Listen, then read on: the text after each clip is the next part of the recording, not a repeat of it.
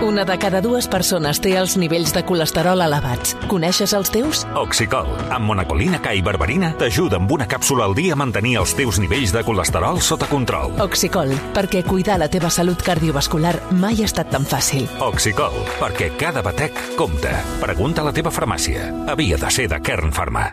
Port de Tarragona, motor econòmic de Catalunya, t'ofereix aquest espai.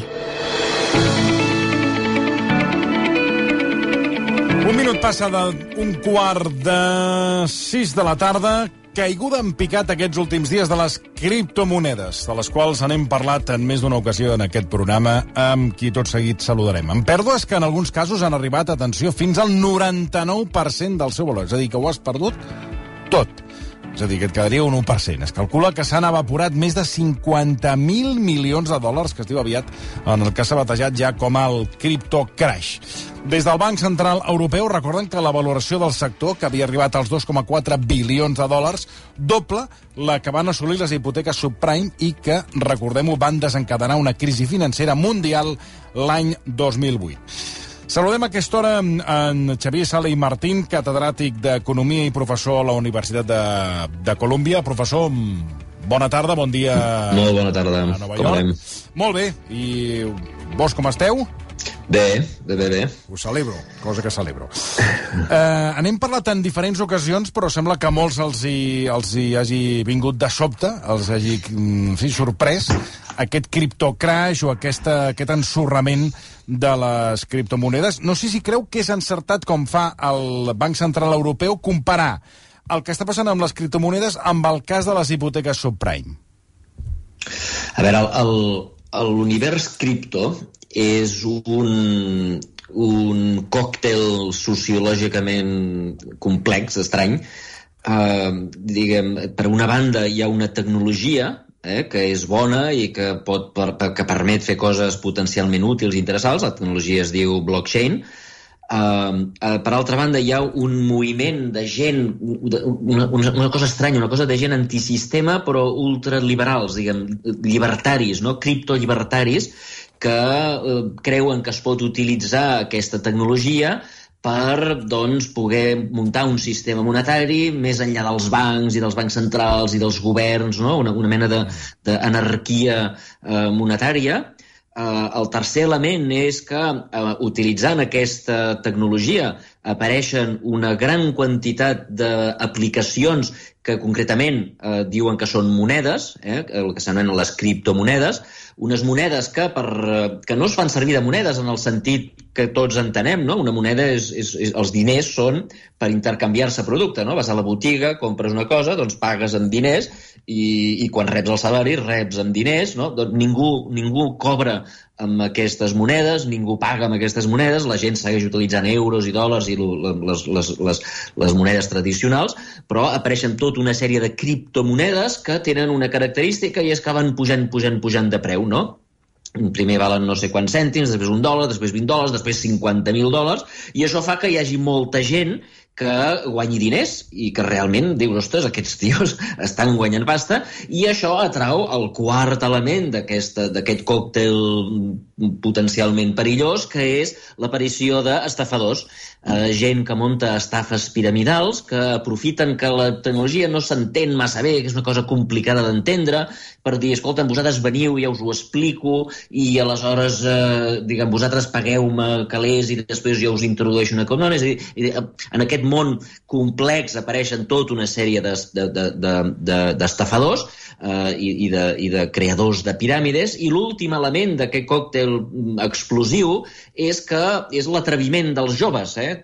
Tots quan érem joves pensàvem que érem molt llestos i que els nostres pares eren tontos i encara que ens diguin, escolta, en compte, aneu en compte que això pot explotar, que això és perillós, ells et diuen no, no, és que vosaltres de tecnologia no enteneu res, les lleis de l'economia no s'apliquen perquè el món cripto funciona amb uns altres lleis diferents eh? I, i, i, i, i, i llavors aquests joves doncs, es deixen il·luminar per quatre rics que van amb el seu Lamborghini i que els diuen, no, si tu fas com jo et faràs ric, doncs, doncs tot això, aquest còctel, doncs, don, ha donat lloc a un món, a un, que ells anomenen, ells s'autoanomenen ecosistema, un ecosistema ple de gent que mm, cada vegada hi ha més gent que posa calés, Clar, els que van posar quan la cosa valia 1, doncs s'han forrat el, el, quan la cosa passa a valer 50.000. Però, clar, el problema és que hi ha gent que ha comprat quan la cosa valia 50.000 i que ara només val 25.000, i que, per tant, han perdut la meitat. I, eh, ja culminant tot això, en la darrera setmana hem vist l'explosió,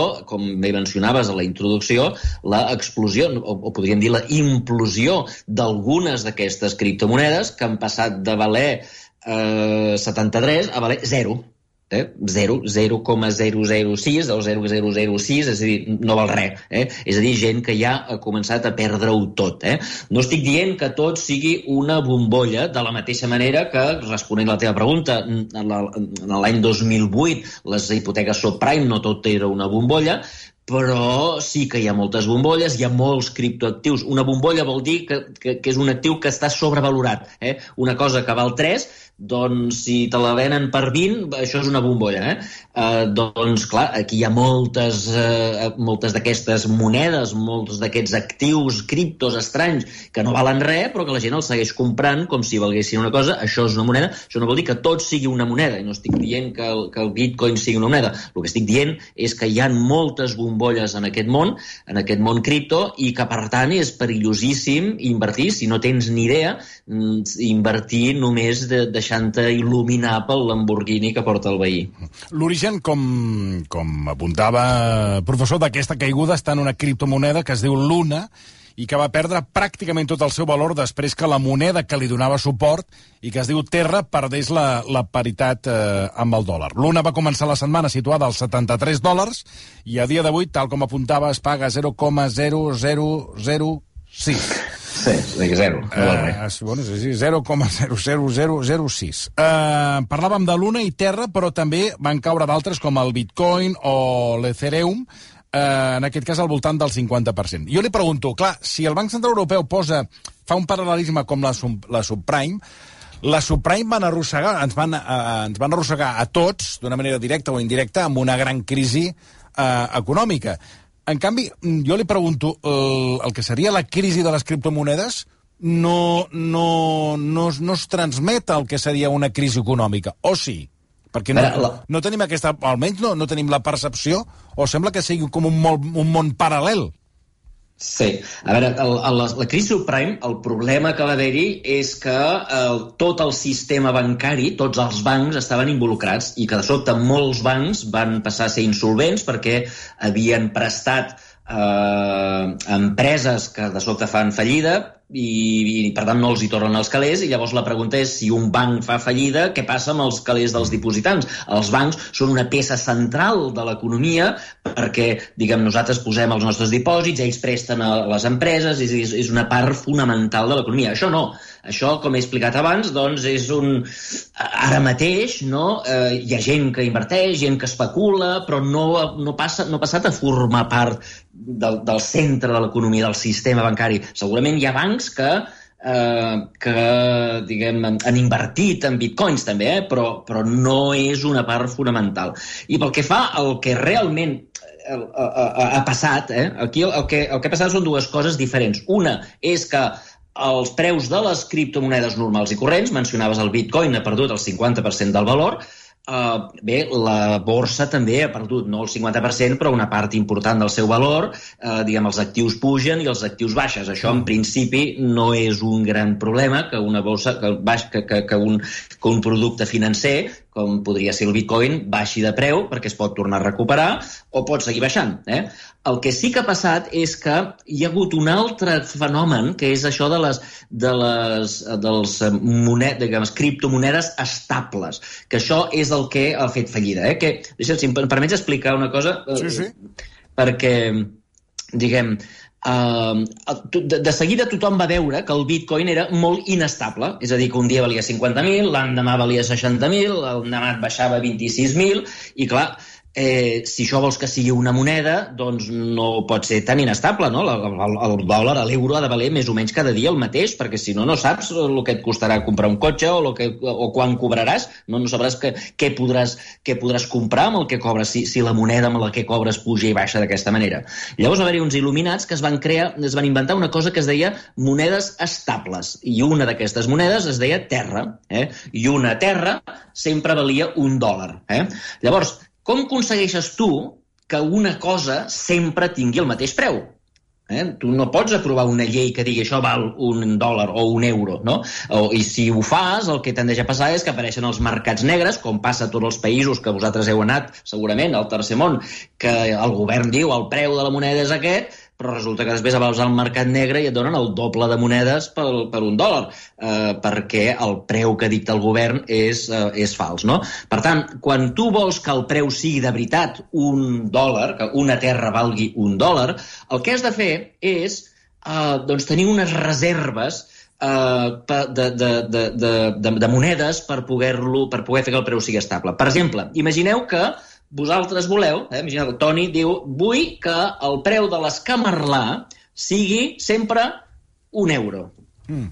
Eh? Com pots fer que el preu de l'escamarlà sigui un euro? Clar, els escamarlans hi ha vegades que venen tots els turistes a l'estiu i hi ha un augment de la demanda d'escamarlans i pugen el preu a 100 euros i després baixen els turistes i el preu baixa, no? El preu va fluctuant depenent de l'oferta i de la demanda, oi que sí? sí? Si tu vols que el preu sempre sigui 1, el que has de fer és manipular l'oferta d'escamarlans. És a dir, t'has de comprar una mega piscina d'escamarlans, plena d'escamarlans, i quan dius, mira, el preu ha pujat per sobre de 1. Llavors, el tu què fas? Agafes la piscina, treus escamarlans, el poses al mercat, és a dir, augmentes l'oferta i, I baixa el preu. Clar. Estem d'acord? Sí, sí, sí. I, i d'aquesta manera, només d'aquesta manera pots aconseguir que el preu sigui de manera que tu sempre controlis l'oferta d'escamarlans. Ara bé, has de tenir una mega piscina, perquè pensa que si se t'acaben els escamarlans i venen de sobte molts turistes, el preu pujarà. Clar. Has de tenir una mega piscina. Mm. Vale? Doncs amb les criptomonedes passa exactament el mateix. Eh? Si tu vols que una moneda en particular, digue-li terra, doncs eh, valgui sempre 1, doncs has de tenir unes reserves de dòlars o el que sigui, de manera que quan el preu del dòlar puja, doncs tu has de posar, has de posar més dòlars al mercat i això farà baixar, igual que els escamarlans. Estem mm. d'acord? Sí, sí, sí. Per tant, i per tant, aquesta gent han de tenir una mega piscina, no d'escamarlans, sinó de, de dòlars. De dòlars, eh? Però llavors... Perdoni, i, i de, de dòlars o de bitcoins? Mm, en principi de la moneda amb la qual tu vols que mantenir, igual, si tu vols mantenir el preu de l'escamarrà, has de tenir una piscina d'escamarrans, no Va. de gambes. Vols dir que si vols mantenir el preu del bitcoin, que és el, eh, que, és una, el que ens estava ara vostè explicant, hauria de tenir una mega piscina de bitcoins. No, el que vols ah. mantenir no és el preu del bitcoin, és el preu del terra. El bitcoin va pujant i baixant. Ah. Eh? Tu vas un, un altre, perquè, perquè eh, la gent ha d'entendre que hi ha centenars de criptomonedes diferents. Eh? Ara estem parlant d'una que es deia Terra, o que es mm. diu Terra, Val. perquè encara existeix, malgrat que ja sí. sembla que està fent fallida, mm. però aquesta, volem que aquest preu, el preu en dòlars, és a dir, que tu puguis comprar un dòlar amb una, amb una terra. Mm -hmm. Correcte. Eh? Com si el preu de l'escamarlà, eh, en lloc de, de, de, de l'escamarlà sempre sigui un dòlar, has de tenir escamarlans, doncs si vols que el preu del, del dòlar sigui constant, doncs has de tenir un, una, una, una piscina de dòlars, no? Mm. Eh, i, Vale. Doncs eh, hi, ha, hi ha algunes monedes estables, eh, alguns eh, cri criptomonedes estables, que el que fan és això, eh?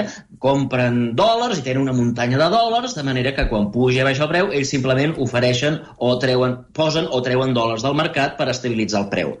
Però de sobte va venir un il·luminat coreà de 30 anys, un xaval que s'havia graduat de la Universitat de Stanford, que diu, mira, jo sóc més llest que ningú i no caldrà que tinguem dòlars. Eh?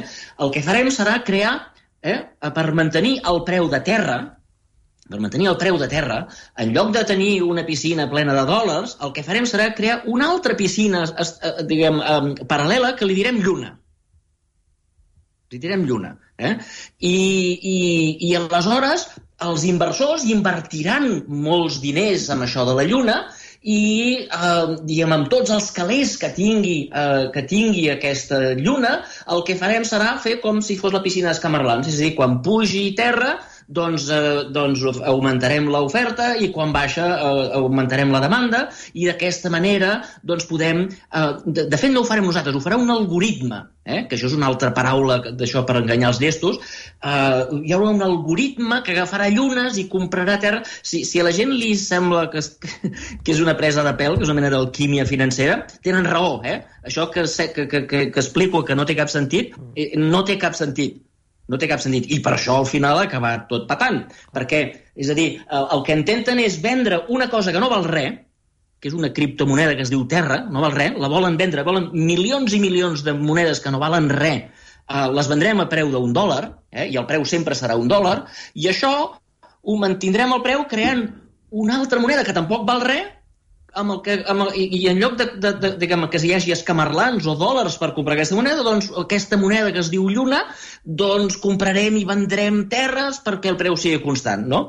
I això ha funcionat durant uns mesos, però clar, eh, de, de, fet, de fet, fa un parell de mesos va haver-hi un, un economista xinès que va fer un vídeo que ha sigut viral que diu, escolta, que no veieu que això explotarà? Ah, sí. Que no veieu que a la que baixi el preu, que no, a la que baixi la cotització de la Lluna, eh, eh, el valor, la, la piscina desapareixerà, no tindràs calés per rescatar la Terra Eh? Si no tens escamarlans, no podràs, comprar, no, no podràs comprar i mantenir el preu.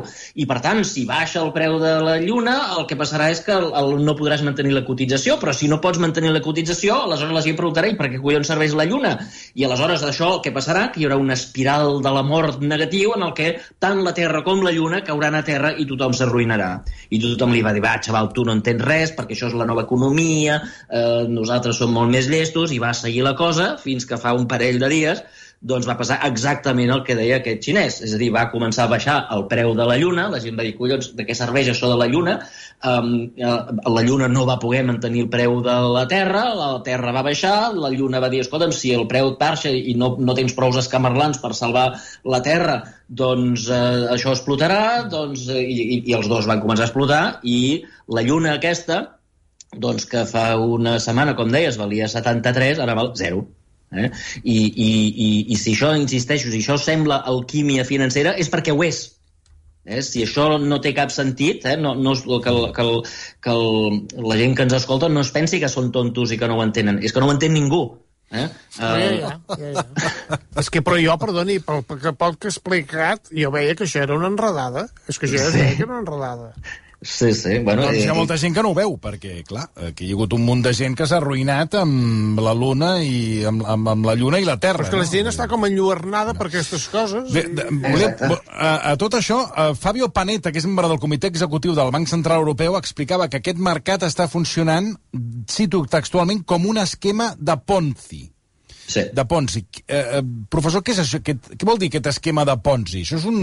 Què, què, què ve a ser un sistema de una, Ponzi? Una Ponzi és una piràmide. Un Ponzi, ah. el senyor Ponzi, Carlo Ponzi, és un estafador italià que va arribar a Amèrica i com, com passa amb això dels criptos, eh? sempre, sempre les, les estafes i les bombolles i això sempre passa amb, amb gent que diu que té una tecnologia nova. Ell era italià i diu, jo conec una manera de, de guanyar calés amb segells, eh? fent, fent, fent allò arbitratge de segells italians que, clar, com que la gent no entén la, la, el, el canvi de dòlars a lires, però jo sí, doncs el que faré serà comprar uns segells aquí, vendre'ls allà, i llavors serà un negoci brutal.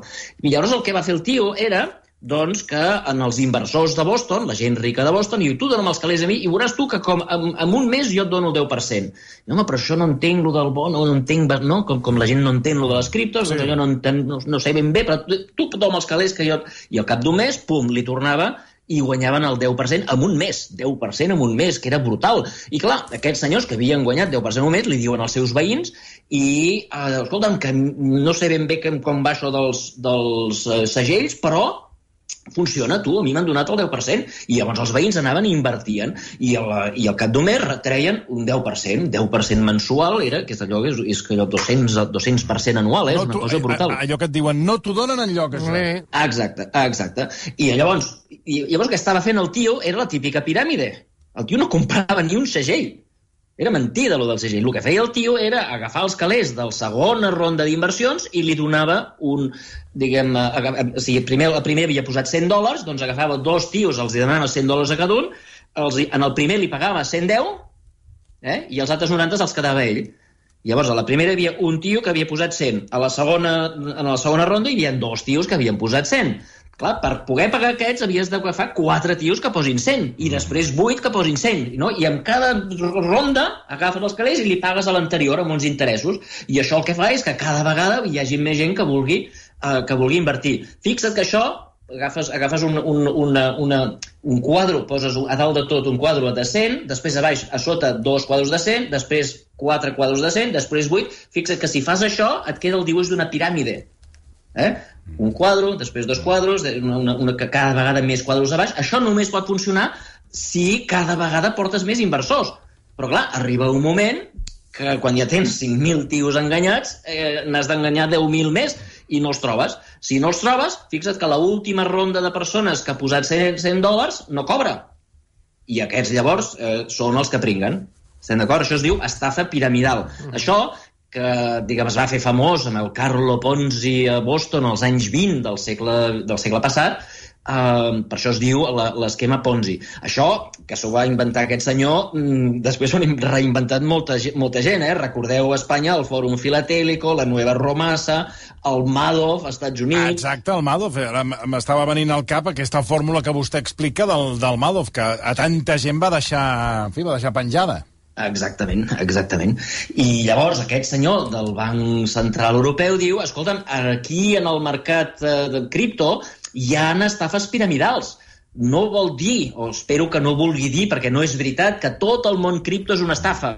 Eh? Insisteixo, el món cripto ja he dit abans que, hi ha, que és una tecnologia que és potencialment bona i que tindrà utilitats eh, bones en el futur.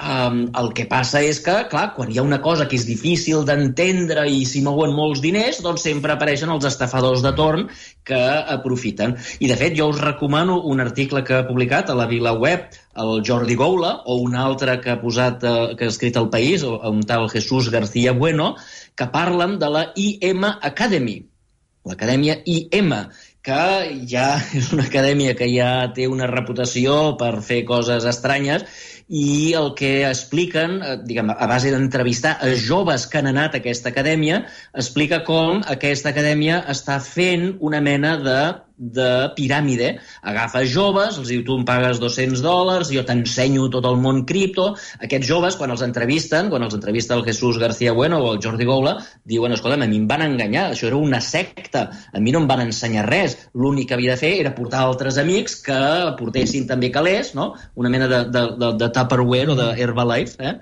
Eh, jo, tu poses 200 dòlars i llavors això els recuperes portant a més amics que portin dòlars i llavors amb això tu et fotràs ric, no? Eh, doncs això és el que sembla que, aprofitant la febre de cripto, hi ha empreses com aquesta IM Academy que es dediquen a fer a crear aquest tipus de, de piràmides. Insisteixo, no vol dir que el món cripto sigui una piràmide, però sí que en el món cripto hi ha piràmides, perquè les piràmides normalment venen te les expliquen amb unes tecnologies, no? com els segells, no? La, la, jo els segells a Itàlia, jo conec algú que me'ls canvia per aquí, me'ls canvia per una, una cosa que sembla plausible, que no l'acabes d'entendre, però que sembla plausible, i per tant, pum, fots els calés, no? Mm. Uh, doncs uh, el món cripto, que això que, és que, que hi ha confusió, que és difícil d'entendre, doncs és perfecte perquè hi hagi els, el típic estafador que s'hi fica al mig i llavors els, els xavalets hi cauen de quatre potes. Per cert, que qui ja va dir que no era massa optimista sobre les criptomonedes és Bill Gates. En una entrevista a Bloomberg avisava que si no ets Elon Musk, eh, millor anar amb compte amb les criptomonedes. Elon has tons of money and he's very sophisticated. L'Elon Musk té tones de diners. Ell és molt sofisticat, així que no em preocupa que el seu bitcoin pugi o baixi aleatòriament. Crec que les persones que es deixen portar per aquestes manies és possible que no tinguin tants diners de sobres, així que no sóc optimista amb el bitcoin. Jo crec que si saps que tens menys diners que l'Elon, probablement hauries de sortir. Probably, uh, watch out.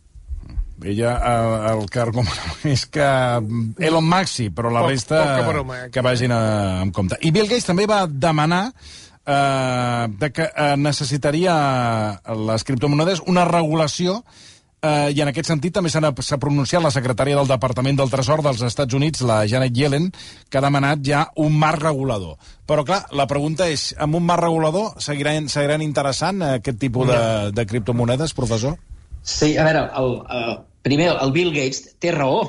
eh, hi ha una norma que, que l'hem explicat moltes vegades des de fa molts anys en aquest programa, que és que les inversions, eh, eh, si el retorn és molt gran, és perquè el risc és molt gran. Si el retorn, si, si tu estàs cobrant molt, si algú està pagant molt, eh, t'està pagant molt per una inversió, és que hi ha un enorme risc. El, el, el, el retorn és el premi al risc. Eh? Mm. Uh, doncs, uh, doncs això uh, és el que està dient el Bill Gates. Uh, això de les criptomonedes és molt arriscat. Llavors, si tu tens molta pasta, si no t'importes, si pots anar al casino i rebentar-te 10.000 dòlars eh, i no passa res, perquè si vas al casino els acabaràs perdent, els 10.000 dòlars, doncs tranquil, vés al casino. Però si el, la teva vida depèn, si, si, el, si el menjar dels teus fills, si la, el teu, la teva pensió depèn d'aquests 10.000 dòlars, sobretot no et fiquis en, en criptomonedes, perquè és possible que les multipliquis, però el més probable és que ho acabis perdent. Eh? I això és el que ens avisa el, el, el, el Bill Gates, de manera, jo crec, molt intel·ligent. Um, pel que fa a la regulació, a veure, uh, uh, estem regulant els bancs. Recorda com en els bancs recordeu enmig de la crisi que les caixes van desaparèixer? Per què van desaparèixer? Perquè els reguladors els van obligar, van dir, escolta, vosaltres heu donat crèdits a gent que no sabem si tornarà als calés i, per tant, no sabem si vosaltres podeu, de fet, satisfer els, els dipòsits que tenen els vostres dipositants. Recordeu? Uh, és a dir, heu, donat, heu prestat a gent que ha fet especulació immobiliària, aquests han fet fallida i ara no sabem si vosaltres hi podreu tornar els calés en els dipositants, que aquests no s'han arriscat, aquests simplement posaven els calés, els estalvis de tota la vida, el, el salari ho tenen allà en la caixa de Terrassa o a la caixa de Manresa o a la caixa que sigui, um, i llavors els hi van dir, el, per, per garantir els calés dels dipositants, heu d'ampliar capital i llavors, com que les caixes no podien ampliar capital, els van obligar a convertir-se en bancs i a fusionar-se i a desaparèixer i tal i qual. Recordeu tot aquest episodi de l'any sí, 2000? i tant, i tant. Tot això? Sí, sí. Uh, és a dir, els reguladors t'obliguen a tenir diners per poder tornar a la gent que t'ha depositat els calés. Doncs aquí haurien de fer una cosa similar Sí que vol dir que la Lluna, que, que la, la Terra té com a, com a garantia del preu una cosa que es diu Lluna, que ningú sap ben bé què collons és, i que no sabem el preu que té, ni per què ni puja, ni per què baixa. És a dir, una cosa que és fum, la garantim amb més fum. Si això fos un banc, no li haguessin deixat fer. Li haguessin dit, escolta'm, tu vols garantir el preu del dòlar? Doncs escolta'm, a piscina d'escamarlans, i volem veure els escamarlans. Igual que obliguen a un banc a tenir els dòlars, ensenya'm els dòlars. Si tu tens capital, tu tens dòlars, aleshores pots seguir operant i pots seguir prestant. Si tu tens aquí una cosa de fum que li dius que es, que es, diu, que es diu lluna, aleshores eh, tu no pots seguir operant. Tu has de tenir escamarlans. Tu vols mantenir el preu de, de, de l'escamarlans, has de mantenir escamarlans. I si, no, I si tu vols mantenir el preu del dòlar, has d'ensenyar els dòlars i ensenya'm-els a mi igual que fan amb els bancs. Si això ho haguessin fet, no hagués passat l'espectacle de la Lluna i segurament no passaran els altres espectacles que segurament passaran d'aquí pocs dies, perquè, perquè la cosa no s'ha acabat. Seguim, molts inversors segueixen invertint en coses algunes de les quals són lícites, però moltes de les quals són timos i són eh, especulacions rares, són idees rares que no, que no tenen cap sentit, com la idea aquesta de, donar, de garantir el preu de la Terra amb, amb la Lluna, no? Quina complexitat, la Terra, la Lluna... Mar... És, és el que diu vostè, això no hi ha... En fi, és no. difícil de, és difícil d'entendre. Sí, sí. Uh, professor, moltíssimes, moltíssimes gràcies. Esperant que tingui una jornada més, uh, més entenedora que tot aquest món de les criptomonedes. Una abraçada. Molt complicat.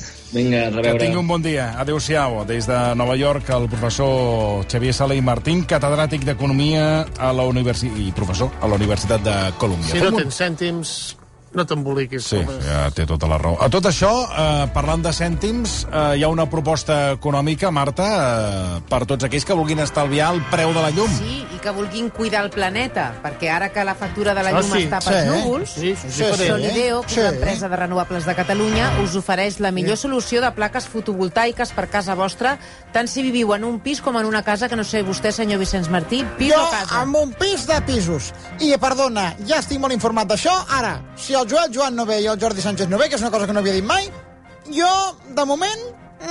Vostè pensi que estalviaran la factura de la llum i generarà Sí, ja la sé, seva eh? pròpia energia. No, això està molt bé, és que és el millor Això que hi ha. Però ja vull que vingui el Joel Joan i el Jordi López. És que és de veritat, eh? Ara més que mai, Solideo. Ho heu de fer. Port de Tarragona, motor econòmic de Catalunya.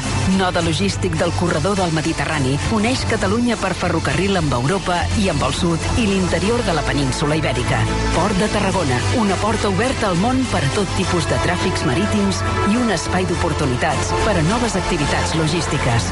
Més informació a porttarragona.cat.